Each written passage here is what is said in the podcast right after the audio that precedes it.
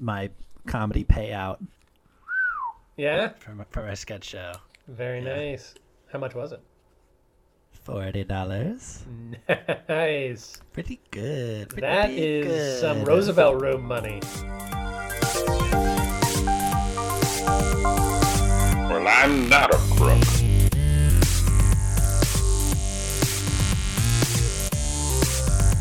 but because they are hard. Welcome to Presidential Deathmatch, the only presidential debates that matter. Today's headlines Presidents better than Ross Perot, racism on a scale of John Bell to Henry Clay, and we've got owls coming out of our ears. Today on the program, we discuss the 45 major presidential losers and where they fit in historical rankings. All that and more on today's Presidential Deathmatch.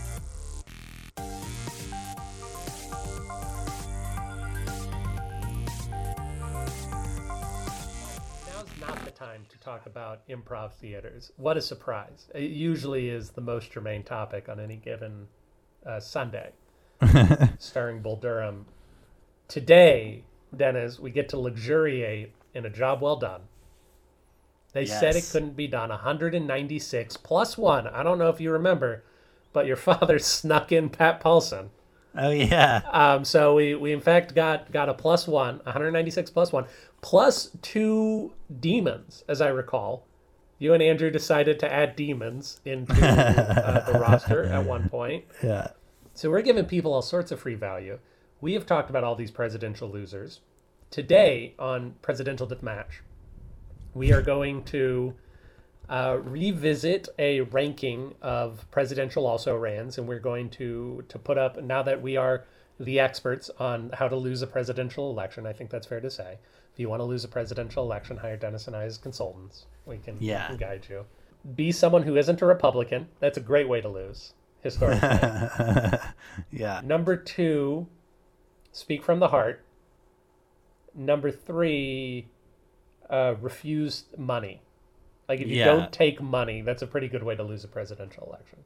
Uh, but we're going to Yeah. talk about historical rankings of also rans, and then we are also going to openly muse on on the final question of which of these people would we have preferred to be president instead of the presidents that we got. Now, Dennis, you may or may not remember that when we started this season back in August and or September of 2021, we we posed that question to ourselves. We said uh, of the our list of 196, who would we think just our gut says who should have been president? Do you remember what you answered? Um. No, I don't. But I'll throw out some guesses. Okay, I remember. So I'll be able to tell you yes or no as to what you said. I, I, I said this person should have become president. Yeah. Did I say Sam Adams? You did not say Sam Adams. Okay. It was it a, founding father type? It was not. It was someone in the 1800s. Oh, geez, Louise. I know the the golden age of presidential losers. Who would I have even known of at the time? Yeah, I think you kind of picked someone at random. Slash, you might have picked someone to give yourself just some progressive cred in Austin. So you Was be it like, Victoria Woodhull? it was not because we just spoke about Victoria Woodhull, but it's very close to Victoria Woodhull. You you are Uh. almost right. In fact, you are so close to Victoria Woodhull. You said the person's name, and I said, "Are you talking about Victoria Woodhull?" And you said, "No, I'm talking about." Oh, yeah. I'm gonna give you five seconds, and then I'm all right. Um, uh, going through the list. Okay, Looking I'm, for I'm not. women's names. Yeah, I'm not Okay, gonna wait. let you. We're we're gonna close it. Belva Ann Lockwood. Oh my gosh, Is- there she is- is. Yeah, there she is, Miss Oh, Universe. It says who should have been president right here in the document. Yes, it does also say that. Uh, you said Belva Lockwood. I said Horace Greeley as a trap to get Benjamin Gratz Brown to be president. We were both being very silly that day. I I remember that. As a simple yes or no answer, Dennis, uh, do you stand by that decision? Having now researched 196 people, do you believe that Belva Ann Lockwood is the best of the losers to become president? I don't think it's who I would say now that I have more information. Yeah.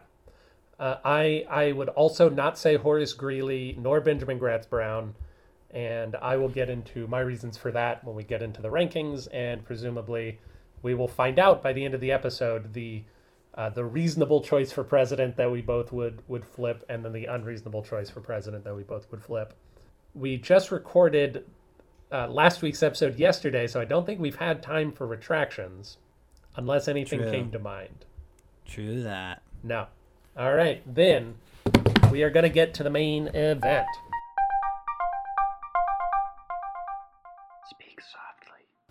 Fair listeners, you may remember that back on the episode of Alton Parker, I said that I had found a 1998 historians poll of prospects for success of presidential also rans, major party and significant third party nominees. At that at that time in the halcyon days of December 2021, we had already exhausted most of the major candidates. but we decided to keep going for another 18 months. Uh, so we didn't pull out this list very frequently, but Dennis and I have each independently done our own rankings. We are going to talk about those rankings and what we think of the 45 men that we have decided to spend a lot of time uh, thinking about. Now, a few things that are different about this 1998 historians poll. Uh, of course, it doesn't have Al Gore, John Kerry, John McCain, Mitt Romney, or Hillary Clinton on the list. However, Dennis and I both used that. They also used two people that we did not talk about John McLean and, uh, gosh, I, know where his name is. It's John McLean and somebody else who doesn't matter because we're not talking about them. But we also added in Henry Wallace as a major third party nominee. And then this particular poll also included George Wallace and Ross Perot, as well as Robert M. La Follette. We decided to include all of those people as well. Um, so, Dennis, I think the best way to do this is for us both to start at our very bottoms and work the way up. And then we will compare our rankings to the 1998 rankings as we go. Before we get into it, they have five categories superior, above average, average, unsatisfactory, and likely failure. I feel like the unsatisfactory is a very polite term to say below average. Yeah. Uh, I largely have the same categories, except I also have a, a, a category of high risk, high reward. Where like I don't know, these people were kind of kind of weird, and anything could have happened. so this is the safest place to put them, but maybe they would have been amazing. Right. Yeah. Uh, how Cool. do you think about about your ranking? So I will say that I was pretty stream of consciousness with how I did this, Good, and I don't know that I remember everyone excellent. extremely vividly. I don't so think everyone uh, deserves to be remembered extremely. definitely a strong recency bias. Um, Mm-hmm. and then also, like, uh, if I if I felt like it would seem like I was racist, uh, usually those people are lower. Okay. So, I, I think that's also something that the people from 1998 did, and I'm going to call them to task for it.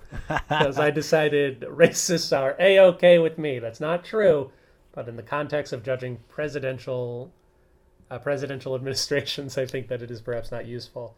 I also I've got a weird both recency and primacy bias, where if someone was long enough ago, I go, yeah, they probably would have been fine. yeah, I don't really know. Yeah. So several people benefited from that. Um, I I feel I that.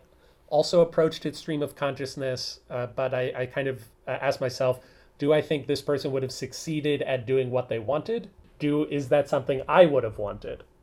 And I sort of meshed those together a bit to get to get my ranking. yeah, the the effectiveness thing. Yeah, exactly.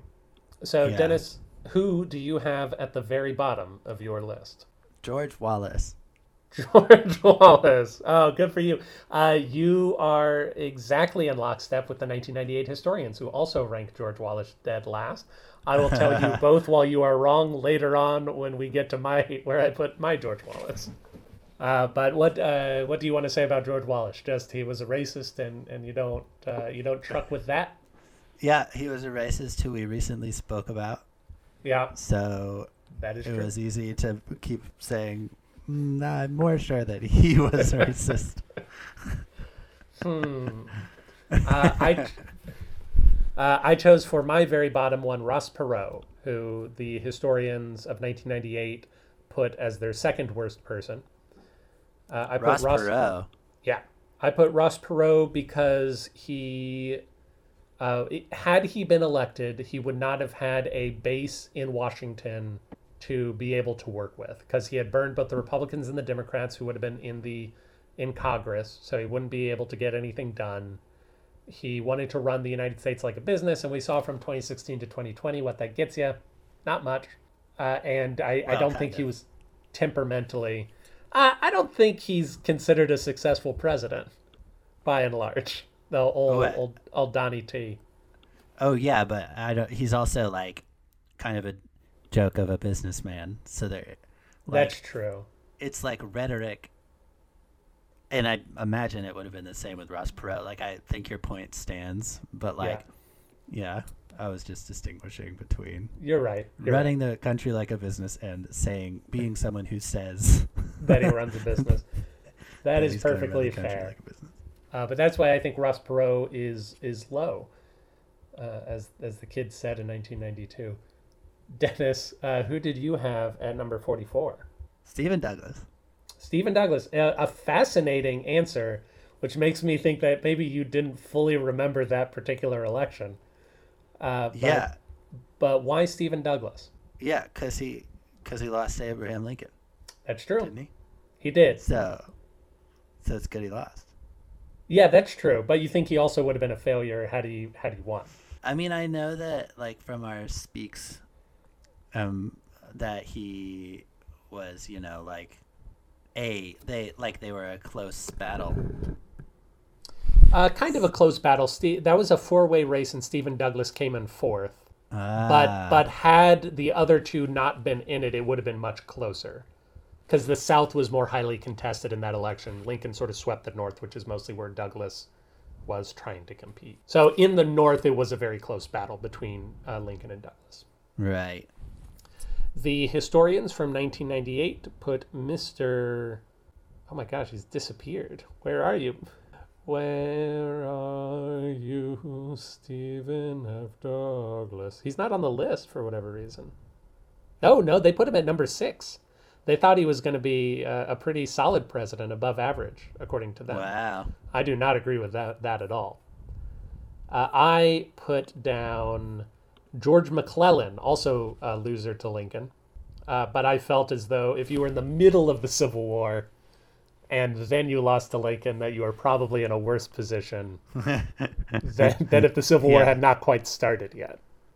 Uh, Yeah. and, uh, and with the exception of George Wallace, I am also sort of in lockstep with the historians. Uh, Ross Perot came in at 40 for them. George McClellan came in at 39. And for me, it's Ross Perot 45, George McClellan at 44. Dennis, 43. I have George McClellan at 18 because I didn't remember. Well, I can't wait to, to hear your explanation once we get there. Next, I have John Calhoun. John Calhoun, uh, a good one. Also using your racist metric. Yeah, Yeah, I I I consider John Calhoun. He's not terribly far up on my list. Uh, he's at 37, but but yeah, John Calhoun was uh, an opponent of Jackson and John Quincy Adams, and yeah, I feel like he would have been all right, but uh, definitely not what America needed. Uh, Dennis, my next one at 43 is John Cabell Breckinridge, uh, and you may or may not remember Mr. Breckinridge as the other person who lost to Lincoln, but this is the one who was all in on slaves. Ah, Uh, he was also 40 at the time, so he, had he been elected, he would have been our youngest president, even still. And uh, he he's the only union he's the only person from a union state to go join the Confederacy and fight for them. Uh, so he's a bit of a twerp, in my opinion. yeah. John C. Breckinridge. Uh, he was at number 37, so not terribly far off in the historians' rankings. Mm. Uh, you're at number 42, my friend. So for me, it's 41. Right. You probably don't have Henry Wallace um, for silly reasons that I won't get into. You don't have Henry Wallace. so you're 41, and I will pretend uh, that I am subtracting one from each of mine. Breckinridge. Breckinridge. well done. Good job. Good job finding the races. All right. Did you remember Breckinridge? Not really. Okay. I just wanted to see if you had a reason for putting Breckinridge over Douglas. Mm, no, I think now that we've spoken about it a little bit, I would have Mm-hmm. I would switch them. That's a, an interesting opinion because my number 41 is Stephen Douglas. Ah, Yes, So uh, coming to the dark side Yes, of uh, Aaron for- Garrett's mind. which is a terrible place to be. I'm so sorry to tell you. Uh, but for, for many of the same reasons uh, that, that you said, he lost to Lincoln. I don't think he would have done a good job. Based on the fact that the previous two presidents were Democrats from the North and the country hated them by the time they were done, I don't feel like Stephen Douglas would have been the right next answer to that. yeah. Number 40. I have uh, Winfield Scott, which Oh. is not, yeah, which is my first one. That's for other reasons of my in my head. That's true. Uh, Winfield Scott came in in the low average category for historians at 29, so about 10 places, 11 places higher than you. Why did you put Winfield Scott there? So yeah, as I recall, he was a Union general. Yes, Yes, he was. very well known, Yes, absolutely. and so they put him up for president basically, and Yeah. then he would, and then he was just really terrible at campaigning and would always accidentally say hilarious things, like about um, hot air coming out of his butt and stuff. Yeah, classic, classical fuss and feathers. You might be getting him confused. I don't know that that's Winfield Scott, Oh, uh, but he might be. I honestly don't know. I don't remember talking about that. I would think it's either him or Winfield Scott Hancock. That I it sounds more likely to be Winfield Scott Hancock. Because he, let's Okay. see, oh, because so he. This says he was War of eighteen twelve, so he's earlier than. Yeah, he, Civil he War. was around during the Civil War. He was the the first guy in charge of the army during the Civil War before we went through McClellan and Grant and all that. Ah, but Uh, when he ran for president, it was eighteen forty. Uh, 1852, if I'm not mistaken. He ran Ah. he ran for the nomination in 1840. He didn't get the nomination until 1850. I see. Ah, yes. Winfield Scott. Winfield Scott's butt. For uh, my number 40 is John Bell. Dennis, do you remember John Bell? Um, vaguely. Do you know who John Bell lost to? Ooh, good question. Uh, I'm going to guess some things. Mm-hmm. What? I, I can give you a hint. Okay. John Bell lost to the same person that the last three people that I've picked lost to. Lincoln. Lincoln, Abraham Lincoln, that is correct, and for much the same reason is that I feel as though John Bell was not uh, who was who ran for the Union Party, so his basic uh, pitch was leave everything as is. The status quo is is fine for right now. I I believe that is not what America needed, because that uh, would just delay the Civil War even more and uh, continue to leave many people enslaved. yes. Uh, but other than that, other than the part where he ran during the Civil War, I do think John Bell and Stephen Douglas, for what it's worth, would have made good presidents. They were just not really what what we should have aimed for. John Bell hit number 32 in the 1998, so uh, again about eight places ahead of mine. They thought he was a little stronger. I have him at thirty-seven. 37. That's a good place for him. Uh, number 39, Dennis. If Hugh White, Hugh White. Uh, why Hugh White? Hugh Lawson White. Yep, that's his name. Uh, he is one that I, I didn't remember too That's much about. A little bit less of a, but uh, he led efforts in the Senate to pass the Indian Removal Act of Mhm. 1830. So that was enough for you. So that's a bummer. Yeah, that is. I didn't remember that about him when I when I ranked Hugh White. Uh, but but I have Hugh White at 32, just a little bit ahead. Uh, as a guy who was uh, not great, but probably fine. All things Yeah. Considered. I think that seems fair. I, I think yeah, it's a good place for him too. Uh, we're entering now into my high risk, high reward category. nice. uh, where my number 39 is John C. Fremont. Uh, John C. Fremont was the first nominee of the Republican Party. You may remember he he ran four years before Lincoln and lost. Now, if Lincoln, whose entire pitch on slavery was, "What if we don't bring slaves into Utah?" Set off the Civil War. John C. Fremont, whose pitch was immediately all the slaves should be freed and none of their owners should get any sort of compensation for it he absolutely would have set off the Civil War had he been elected. Uh huh. John C. Fremont, uh, as historians called him, a man of stellar highs and staggering lows, where he either succeeded amazingly at whatever he did or he just crumbled and failed. And that's probably not where you want to roll your dice on being president, which is why he's relatively low on the list. But I still feel like starting the Civil War four years earlier is better than keeping the Civil War from happening for another four to 12 years. And so I, I don't really know how good Fremont would have been, but I'm willing to take the chaos of a Fremont presidency over the status quo of a John Bell, Stephen Douglas, or John C. Breckinridge presidency. Yeah, that makes sense. And that is mostly why I put him there. Mr. John Fremont is one of my first notable breaks from the historians who put him in the unsatisfactory category at number 36.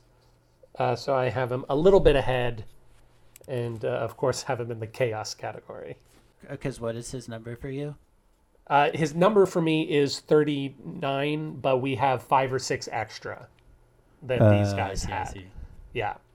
Uh, all right, number 38, John W. Davis. John W. Davis. Racist? Yeah. Yeah. Also, probably didn't remember much about him. Yeah, but I think he. Oh, yes. Well, maybe I was wrong on that. Looking for it now. No, he, he was a racist. You're right Oh, about okay, that. cool. Yeah, for sure. For sure. He was one of like Wilson's men. Uh, yes, he was Wilson's Solicitor General.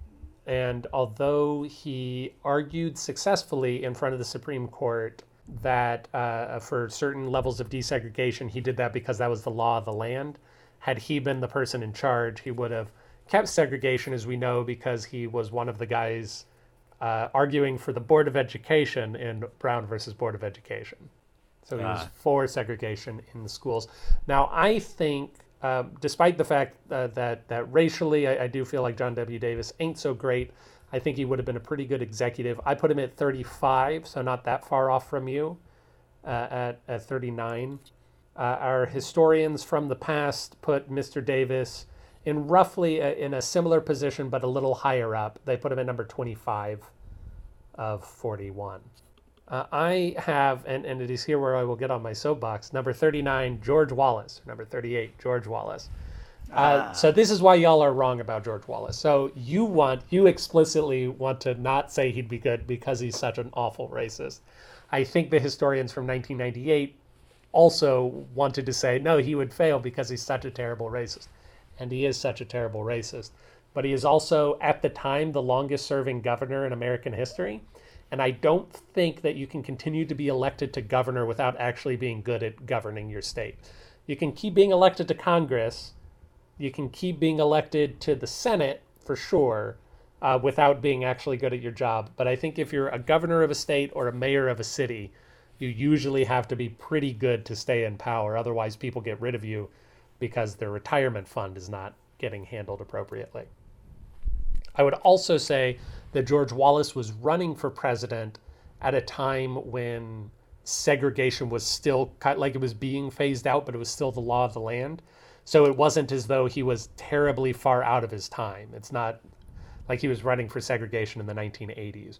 And so I think if America happened to vote him in, as unfortunate as that may be, they would be signaling that they were all right with segregation. And then George Wallace's generally other good executive qualities would come through. That being said, he's still quite low.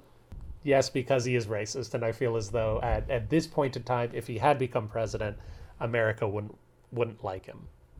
They would look at him sort of the way we look at Andrew Jackson. Mm-hmm. Uh, number 37, Dennis. 37, I've got John Bell. as John the- Bell. Yeah.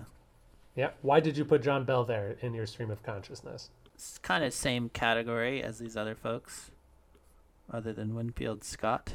Yeah. I don't, although I don't think John Bell was a racist, he was just okay with slavery continuing. Uh huh. Uh, if if you care to make that difference in your mind. uh, my my number thirty seven was Horace Greeley. Uh, Horace Greeley, of course, died before he uh, the the electors met. So he died before the Electoral College certified the election. And that is why he is so low, because he never would have been president even if he had won, because he'd be dead. And I think that his death would have caused a constitutional crisis. That, constitutional crisis would necessarily weaken any president that came out of it. I think it's probably pretty equally likely that either Ulysses S. Grant would have stayed president or that Benjamin Gratz Brown would have become president. But I, I think it was heading towards the House of Representatives either way. And so he's another in the high risk, high reward of, well, we're just going to kind of spin a roulette wheel and see who the electors pick to be president of the United States because our guy died. Laws. Horace Greeley wasn't listed as 38, so pretty low, just above George McClellan, Ross Perot, and George Wallace in the historians' rankings. Mm. Dennis, who is the next person that you want to talk about on your list? My, I was just say my Horace Greeley is at 26. Is it because you liked his name? Uh, I think some of these I truly was like, uh... which makes sense. And I think we're now we're solidly into the the average people yeah. You know, the people who are just kind of like, ah, they're, they're, they're fine. So, uh, who is the next person on your list that you want to talk about?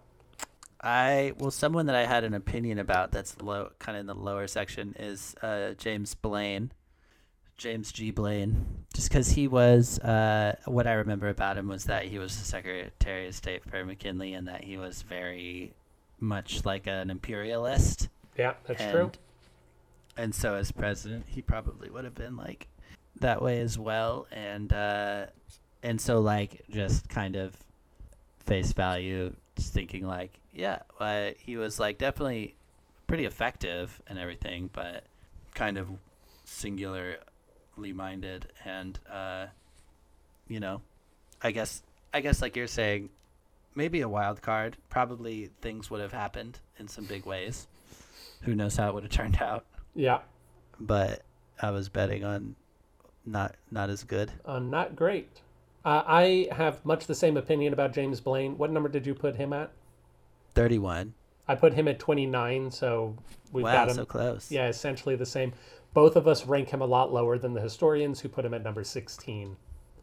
But but I agree. Oh. He was not only uh, imperialist, as you said, uh, he would have also control uh, continued the Republican domination of the presidency, which I never think is a good thing uh, for one party to control the presidency for too long. And he was famously corrupt, and so I just thought, ah, he's corrupt. Something bad's probably going to happen while he's president. Yeah. I have the next person that I think would be really interesting to talk about, or moderately interesting to talk about, is uh, Hillary Clinton uh, only to say where I put her in my list. She ended up at 22, which is just about in the middle. So our most recent presidential loser, I have smack dab in the middle, uh, mostly because I thought she would have continued. It would have been just a slightly worse version of Obama's presidency. Because I think whatever strengths Hillary Clinton has, Obama has them better. And whatever weaknesses Obama has, Hillary Clinton has them more. uh, and and I, I, for for similar reasons as before, I was like, well, then we would have had 12 years of, of Democrats. That's probably not great. Hillary Clinton is going to continue having a recalcitrant Congress, so she probably won't get a lot done. That that's just sort of where she fell for me. Uh, can I assume that you have her quite a bit higher? Yeah, she's my number one. Oh, really? Yeah. Fascinating. What do you think she would have done? Um, I mean, we can agree that that 2016 to 2020 wasn't great. Yeah. That's fair. Yeah. But what do you think she would have done, or do you just say she wouldn't have done that? That's the, definitely the biggest part of it. And yeah, I mean, I think, I mean, I guess an, an easy thing too is like setting a good precedent and like everything. Although, if like, you know, presumably the pandemic still would have happened, so maybe it would have actually been really hard for. Maybe it wouldn't have been as much of a breaking the ice as like a setback for maybe. women. But pro- I bet probably would have just mostly been a step forward. I, I do think that she would have. I think she would have been a rough first female president. Uh huh. Because she is so horrendously disliked among most of America. Yeah, like the- like absurd. She is the second most disliked person to ever run for president. yeah, I don't know. I don't know. Uh, but but Hillary Clinton, Hillary Clinton, of course, is not on the historians list Right. because this was in 1998.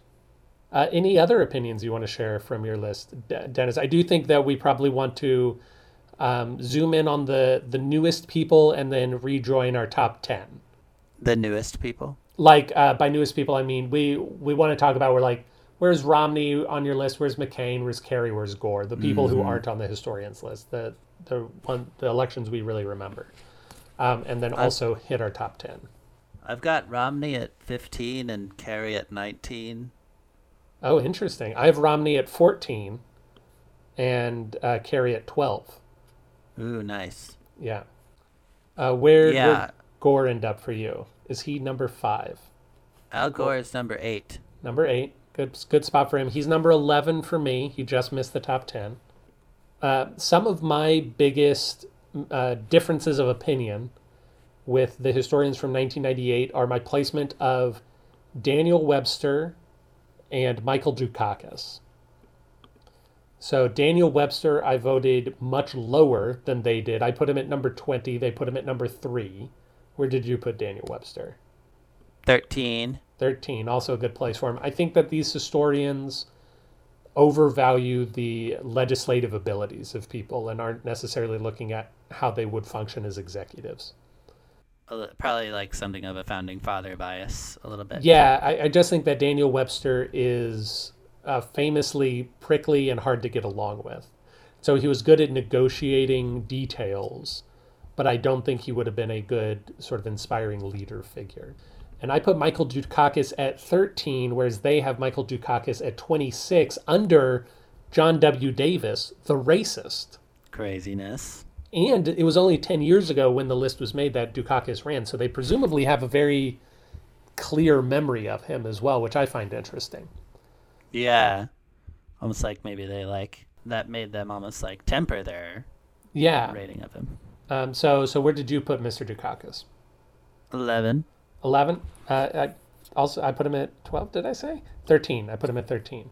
I think that's a good place for him. I do think that uh, Dukakis would have been a good good executive. He seemed like he had a good head on his shoulders and liked criminal justice reform. And I'm big into those things. All right, Dennis. Do you have any more opinions before we get into the top 10? I am curious about where Lewis Cass is for you. Lewis Cass. Uh, Lewis Cass is the guy who probably changed the most because I did this ranking three times. to Ah, try and sh- to try and just shake out my uh, my my guessing bias to it. And I put Lewis Cass at hold on, I'm having trouble typing. I put Lewis Cass at 36 between John W. Davis and John Calhoun. Uh, where is your Lewis Cass? My Lewis Cass is at 34, but I think partially because I didn't really remember too much, and then I was trying to remember just now, and uh, yeah, he was an interesting one. He definitely was. He's a person that the historians thought was uh, solidly in the middle. He was 21 of 41. So he, he was the middle point in their in their survey. I think that Lewis Cass falls in the same way that say John Bell or Stephen Douglas does, where his pro-slavery attitude is just not the right thing for that moment.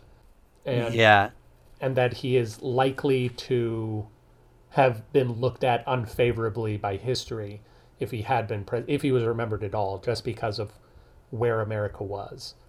And and that's because he he took up the spot that Taylor and Fillmore. Right. and that already didn't go great in regards to slavery concerns well with the compromise of 1846 Yeah, I believe. Uh, 1848 uh, and uh, or 1850. Goodness gracious, the Compromise of 1850 is what happened during that, and that's right around when Taylor died. But yeah, Lewis Cass is otherwise a guy that I think would have made a good president. I definitely would take Lewis Cass over Franklin Pierce. yeah. that choice were yeah, given to me. I, think Cass would be a better dude. Yeah. Alrighty.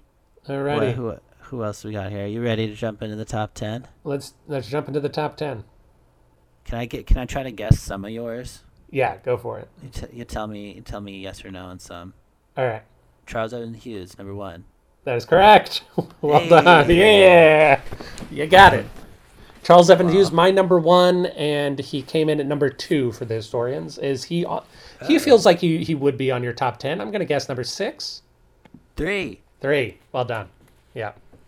All right. You want to guess some more of mine? Uh, Do you have Goldwater in there? I do not have Goldwater in there, actually. Um, Goldwater is a guy whose policies do tightly uh, align with a lot of my own beliefs, but I don't think he would have been effective president. And I especially don't think he would have been good for the domestic situation in America during the 60s. So I put Goldwater at number 19. I was about to say Triple H, but he ran against LBJ, didn't he? No, no, he, he was LBJ's vice president. Oh, vice, right, yeah, yeah. Vice president. Uh, he ran against Nixon in 68. So do you want to guess? be. Oh, Yeah. he is. Do you want to guess a number? He is in the top 10. I can confirm that. Is he number four? So close. He's number five. Ah. Nice. Well done. Oh, uh, Adlai Stevenson. Uh, no, Adlai Stevenson's rated very low for me. He's at number 30. Ah. Uh, that goes against what the historians in 98 thought, who put him at number four. Uh, number Wow. one, I think the 1950s were a pretty great time to be an American. I think Dwight Eisenhower was an excellent executive, and I probably wouldn't have wanted Adlai Stevenson. Uh, but the main problem with Adlai Stevenson, especially that his contemporaries said, is that he just wasn't good at convincing people to do things. Like people kind of uh, thought he was annoying when he would talk to them. And he ran against Eisenhower both times, right? He did, yeah. Uh, do, do you have Adlai Stevenson at number seven? He's at 12. 12. Excellent. I'm trying to think of who I think your number two would be. it's uh, Ross Perot. Oh, is it? Why is that? Biggest Because- upset so far. Because you said that uh, he was the dentist one. He was the dentist. That's fair. Yeah, yeah, yeah. Well, I think uh, I had to pick someone who was most like you. Of course, I think you would be a much better president than Ross Perot. Oh, thank you. Uh, any more you want to guess? For your top 10, Yeah, I think Henry Clay's in your top 10. Henry Clay's not. He's uh, he's 25. Okay. Okay. Racist? Too racist for you? Yeah, that's that's basically. Yeah, I was like, I know he was pretty good, but also kind of racist. But also kind of racist. It's true. Do you have um, La Follette? I do not. La Follette is pretty low for me. He's right ahead of Hillary Clinton at uh, number 21.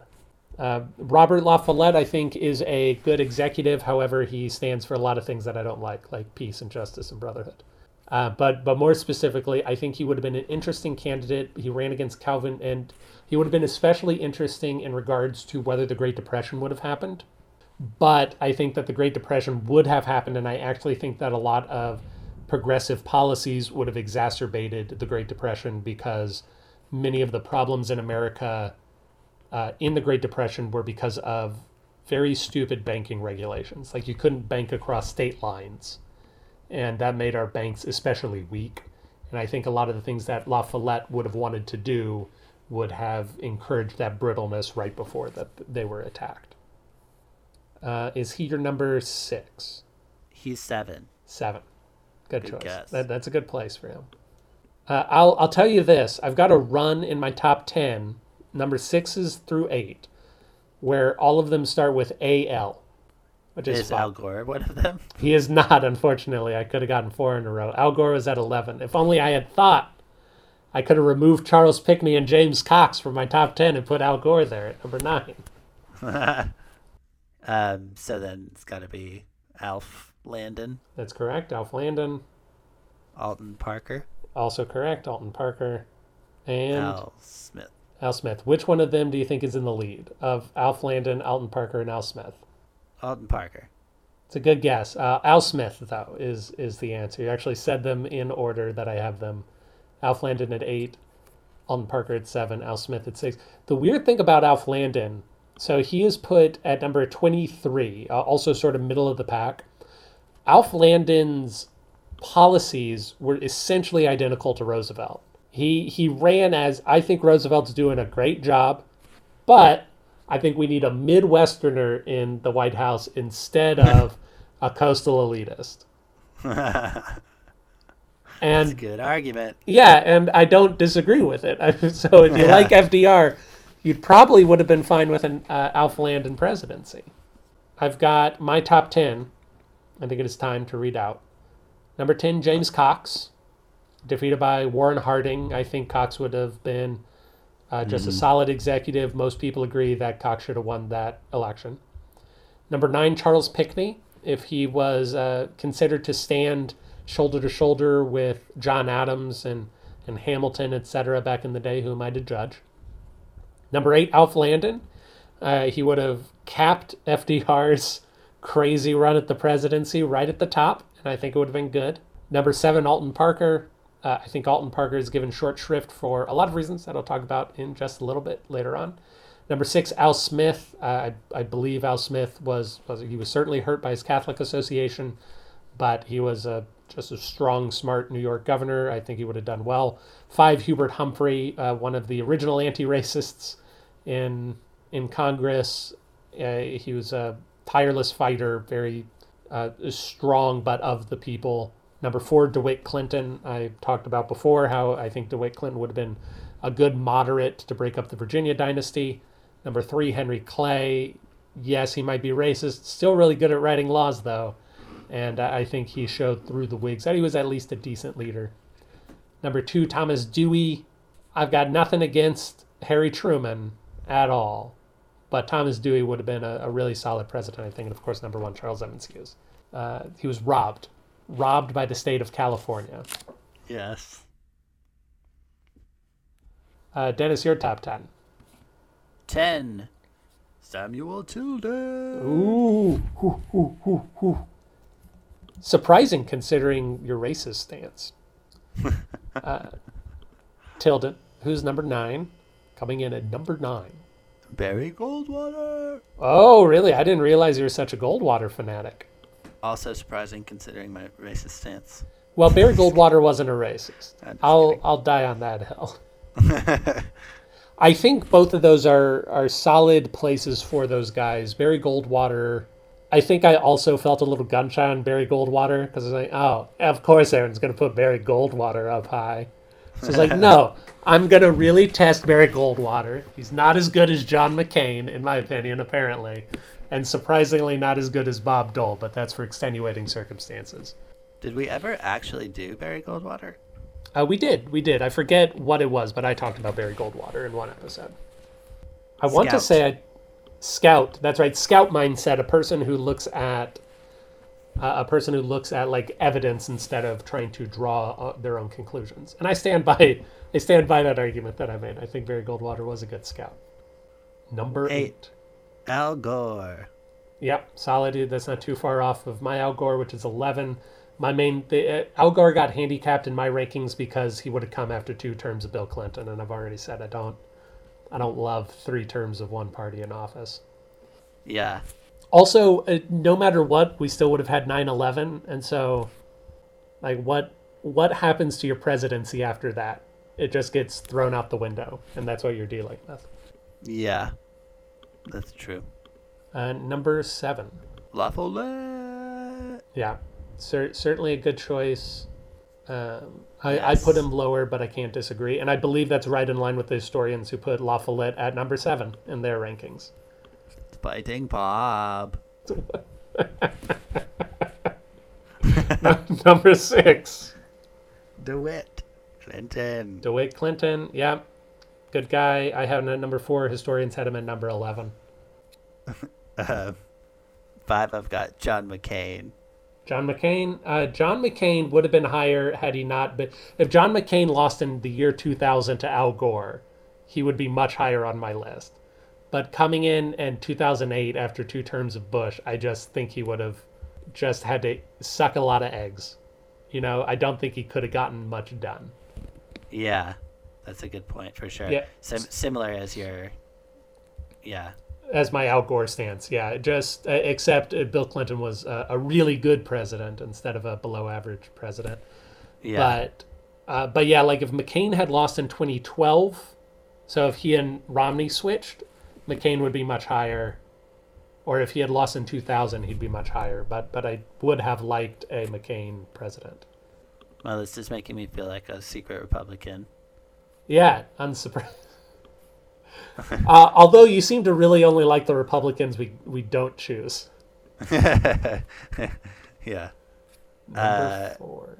Four. William Yeah. Jennings Bryan. Interesting. So, oh, oh, oh, oh. why William Jennings Bryan? Such a fun fellow. hmm Um, and also, I- which time? all of them. the, the, um, that's true. So who did he run against? Uh, he ran against McKinley twice, and then Taft once. Well, then, I guess that's tough because those guys are great. Yeah, second McKinley. Second McKinley, it's got to be. It's the only choice. Yeah, but yeah, McKinley comes in. He does the Spanish American War. We're good.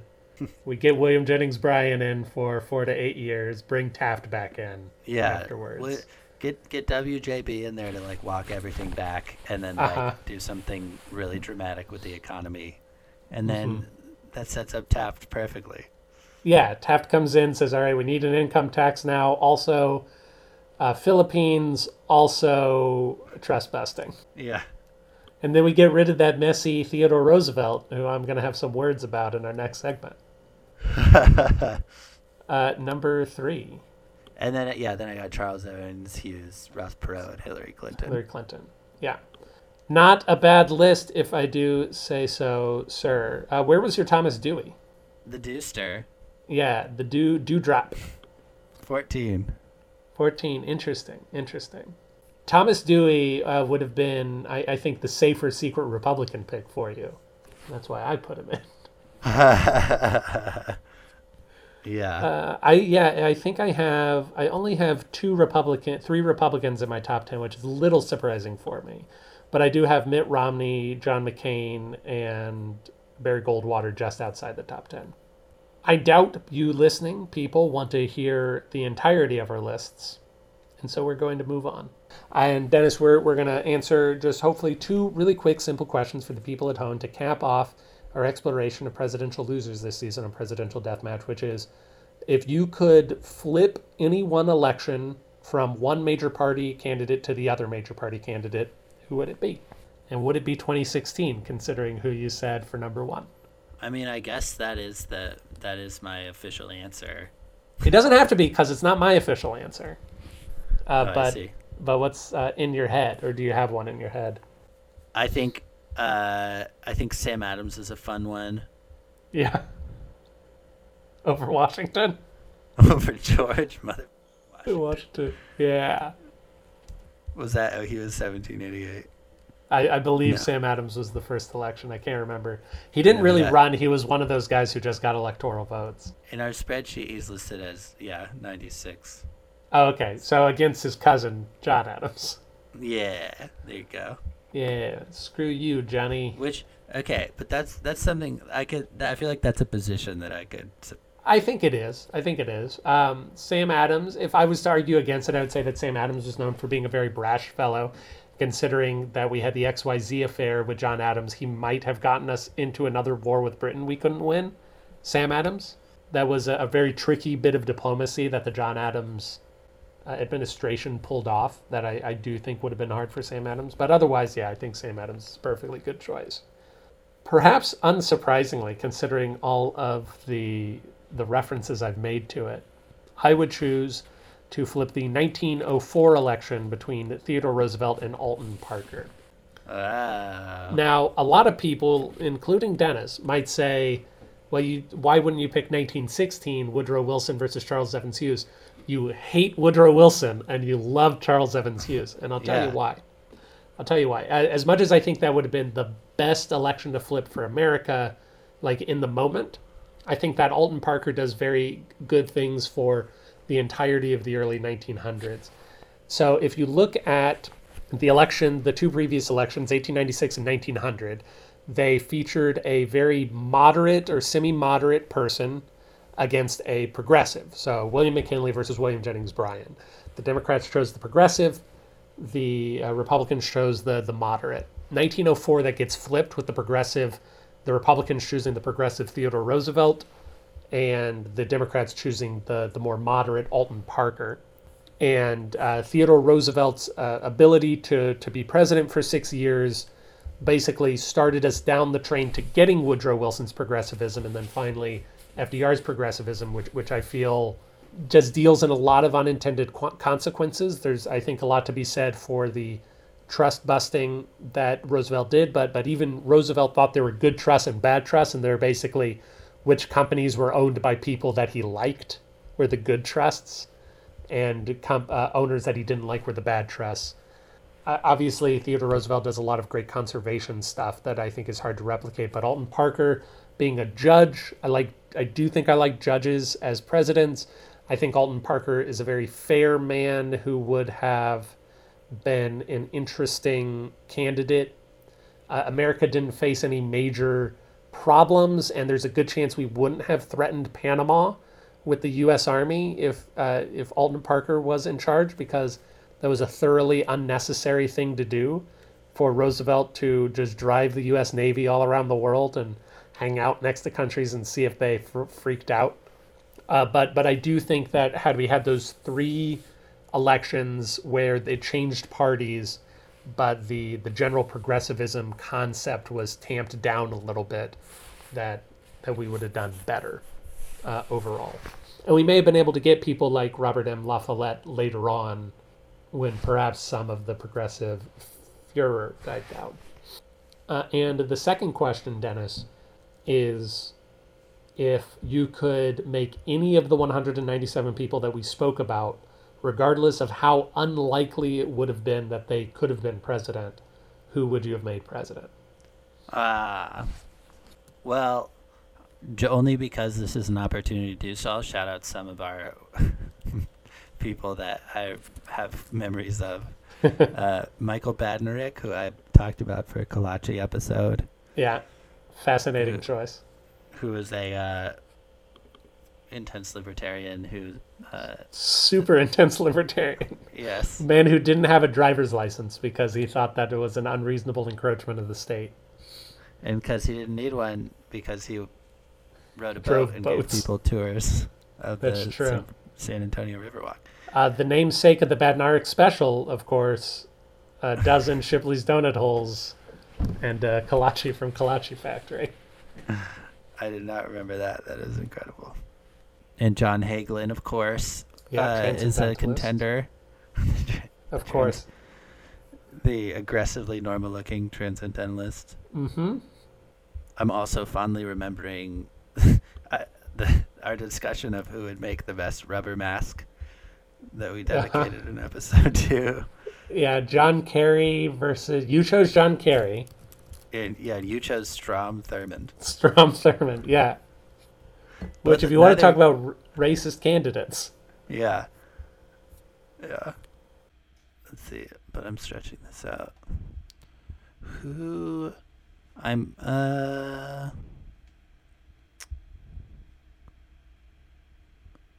I mean, I would. Well, interesting to see Williams, William Jennings Bryan. Although I guess he actually uh, almost became president. Yeah, he did. He was either. he was a major candidate. In fact, as is frequently said, Woodrow Wilson won the presidency with fewer votes than William Jennings Bryan got in all three runs at the presidency that he had. Uh which must have stung. Yeah. Peaked too soon, WJB.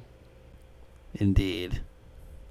Uh, while you're considering, I'm going to make uh, two very half hearted attempts of, of saying number one, Rocky Anderson, who we spoke about two weeks ago. I do think that he's a, a guy with an interesting head on his shoulders, a little bit what we might say to the left of Obama. Uh, and in, in, a lot of ways, I think that he would want to use the government in, in, ways that I'm not comfortable with, but I do feel like his heart is in the right place, and uh, certainly a lot of his stances, especially his stances on criminal justice reform, LGBT rights, are uh, in line with my own in a way that I think would have been interesting and good to have in 2012. And while I think that in a lot of ways a 2016 Gary Johnson presidency would have been worse than a 2016 Hillary Clinton presidency, I do think it would have been better than the presidency we got. And if we had a libertarian win the presidency, then there would be a good chance to have actual meaningful shift in some voting reform because uh, presumably the Republicans would freak out. And I, I don't think it's a bad idea to have a president who doesn't want the president to be the most powerful position in the United States. I, I think that you would have immediately seen Congress claw back a lot of the powers of the presidency if Gary Johnson had them at his disposal, which I, I also think is a good thing. Yeah. I I definitely developed a uh, an affection for Nader from listening to his pod his current podcast, but I don't know if I, I think that I also have less respect for him from it, so I can't say that I that I would choose him either. Yeah, that's the hard thing with a lot of these third parties that you otherwise like. You're like, no, you are kind of a crank. Just a little bit, a little bit of a nut. You're you're right. Like everyone, what everyone said about you is right, and that makes me upset. Oh boy. Well, Dennis, it has been a, a, pleasure speaking with you about these presidents over the last two years, roughly. when we return after the summer, because we are going to take a rather lengthy break while I work on a very large podcast audio fiction project, Space Train, coming soon. Pay attention. Not that Soonish. soon, though. Yes, very soonish. Let's say Space late soon. summer, early autumn. We are going to return in season four. We're going to take a break from talking about people and we are going to talk about the amendments to the Constitution. We're going to dun, talk dun, about dun. the amendments that made it into the Constitution, some of the amendments that didn't make it into the Constitution, and famous court cases uh, around many of those uh, amendments. I hope you stick with us then. Woohoo!